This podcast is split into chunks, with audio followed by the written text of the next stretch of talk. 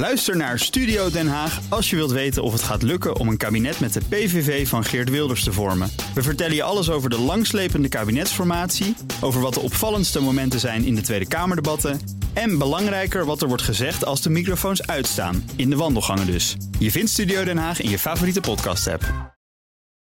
Auto-update. Ja, eh, de auto-update vandaag en de komende weken. Niet van de hand van uh, Nout Broekhoff, want die is uh, op de fiets, geloof ik. Fiets? Ja, naar Zuid-Afrika, want het is mobility. BNR Mobility, lopen en fietsen. Nee, Duurtesten.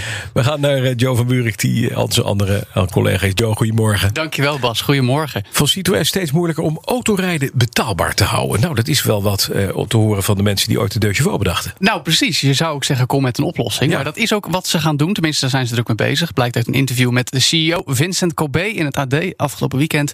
Die zegt ook de grootste behoefte van iedereen in deze tijd is betaalbaar transport.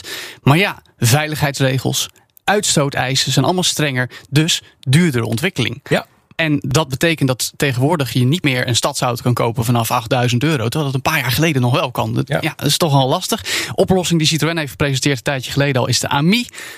Elektrische deelbare stadsauto. Maar ik ben benieuwd of dat de oplossing gaat worden. Ja. Want ja, deelbaar, dit is toch niet. Ja. En maar kleine auto's gaan eruit. Het wordt gewoon te duur om ze te Ja. maken. En te voldoen aan al die eisen. Het is Maar dan wordt het dus echt een kansloos. eliteproduct. Dan wordt het of een eliteproduct. Of we krijgen inderdaad een, eh, een Chinese aanbieder. die voor heel weinig hele goedkope, zeer brandbare elektrische auto's onder steden in gaat. Precies, die hebben we ook gehad. Ja, nou ja, nou goed, het is natuurlijk wel zo dat Stellantis inmiddels eh, het moederbedrijf van onder meer Citroën. Ja.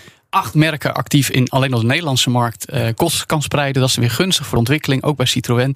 Dus ja, laten we hopen dat het op de lange termijn toch weer wat betaalbare mobiliteit mogelijk maakt. De Chevaux moet terug, maar dan elektrisch. Ja, dat willen ze dus niet. Nee, dat precies, dat is gek. Hè? Want je zou zeggen, maak een elektrische... En die worden trouwens gemaakt. Een elektrische Chevaux, daar ben je al vanaf. Klopt, ja. Maar, ja, Maar die meneer- zijn weer niet veilig. Nee, en meneer Corbet zei, ja, maar dat was een, een, een auto van 50 jaar geleden. Ja. Toen hebben we een probleem in Frankrijk opgelost. Dat gaan we niet opnieuw zo verpakken. Onbegrijpelijk. Jammer. Porsche rijdt met een hybride versie van de 911 Turbo.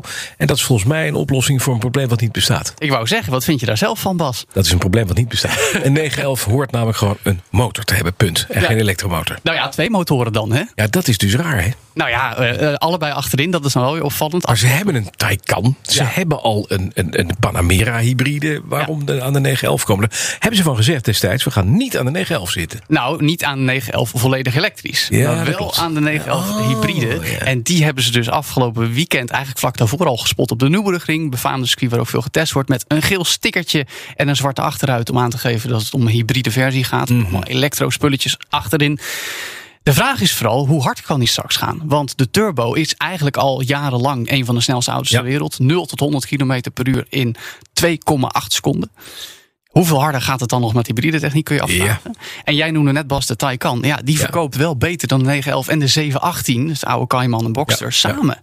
Dus jij zegt een probleem dat niet bestaat. Maar blijkbaar zitten mensen erop te wachten. Ja, en de, de Cayenne hebben ze ook nog. Dat is ook een redelijk goed ding. De Macan loopt ook vrij aardig. Dus nee, jongens, je moet het gewoon niet doen. Klaar. Leuk om dat even te doen. Maar Ja, maar ja, nou ja, ik zou zeggen, ik snap hem wel. Weet je Stuttgart, wel. Even toevoegen Nee. en dan kunnen mensen weer de blitz maken. Kijk nou, ik heb de nieuwe hybride 911 bij me. Ja, maar niet voor hybride. Nee, ik ben Nee? tegen. Nee, nee, nee, mag niet. Nee, afblijven. Red Bull overweegt na het F1-team een eigen auto op de, op de markt te plakken. Nou ja, dat is dan toch een beetje hoop in bange dagen voor petrolheads zoals jij was. Te hopen, ja. Maar Ja. ik ben heel benieuwd met wie gaan ze dan samen? Moeten ze wel wat mee doen? Nou, precies. Nou ja, ze hebben natuurlijk de afgelopen jaren samengewerkt met Aston Martin. Ja. Totdat die met een eigen Formule 1 team kwamen. En de Formule 1 team- teambaas van Red Bull Racing, Christian Horner, zei afgelopen weekend in de officiële Formule 1 podcast Beyond the Grid. Ja, dat hebben we ook gedaan om onze topdesigner Adrian Newey te behouden. Die werd eh, Ja. gekoord, zoals dat in het Engels heet. Dus andere teams wilden hem wel hebben. Toen hebben ze hem contractverlenging bij Red Bull kunnen geven door hem te beloven dat hij ook aan een straatauto mocht werken. Nou, dat is dus met Aston Martin gebeurd. Ja. Maar ja, nu hebben ze die Valkyrie min of meer af. Dan komen ze wel met een extra fancy circuitversie.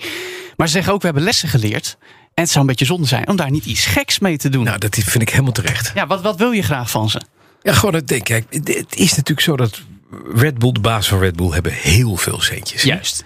Daar zit ook heel veel kennis. En je zou zeggen, kijk, McLaren heeft het destijds ook. Bruce McLaren had een Precies. raceteam. Ja. Daar is uiteindelijk een afgeleide, een, een automerk uit ontstaan. Ja. Nou, dat zijn uiteindelijk mooie dingen geworden. Maar ja, dat, dat heb je met veel andere fabrikanten ook gezien. Klopt. Ze beginnen in Formule 1 en zakken af. Ferrari is een mooi Eigenlijk voorbeeld. wel, ja, maar dan heel lang geleden. Maar heel lang geleden. Dus het wordt misschien tijd voor een Red Bull. Alleen dat klinkt een beetje lullig. Wat rij jij? Wat, wat, wat voor type aanduiding? een Red Bull 1.3S. dat is toch net jammer. We zullen het zien. Red Bull Hybrid. Ik wou zeggen, Ja. die komt dan ook. Ik weet je wat ik zou doen? Nou, Vliegtuigen. Ja. Eh, De Red Bull PLV misschien? Nou, Red Bull geeft je vleugels. Ja. De auto-update wordt mede mogelijk gemaakt door Leaseplan. Leaseplan. What's next? Ook Harm Edens vind je in de BNR-app. Je kunt BNR Duurzaam niet alleen live luisteren in de app, maar ook terugluisteren als podcast, zoals al onze podcasts. En naast dat de BNR-app Breaking News meldt, houden we je ook op de hoogte van het laatste zakelijke nieuws. Download nu de gratis BNR-app en blijf scherp.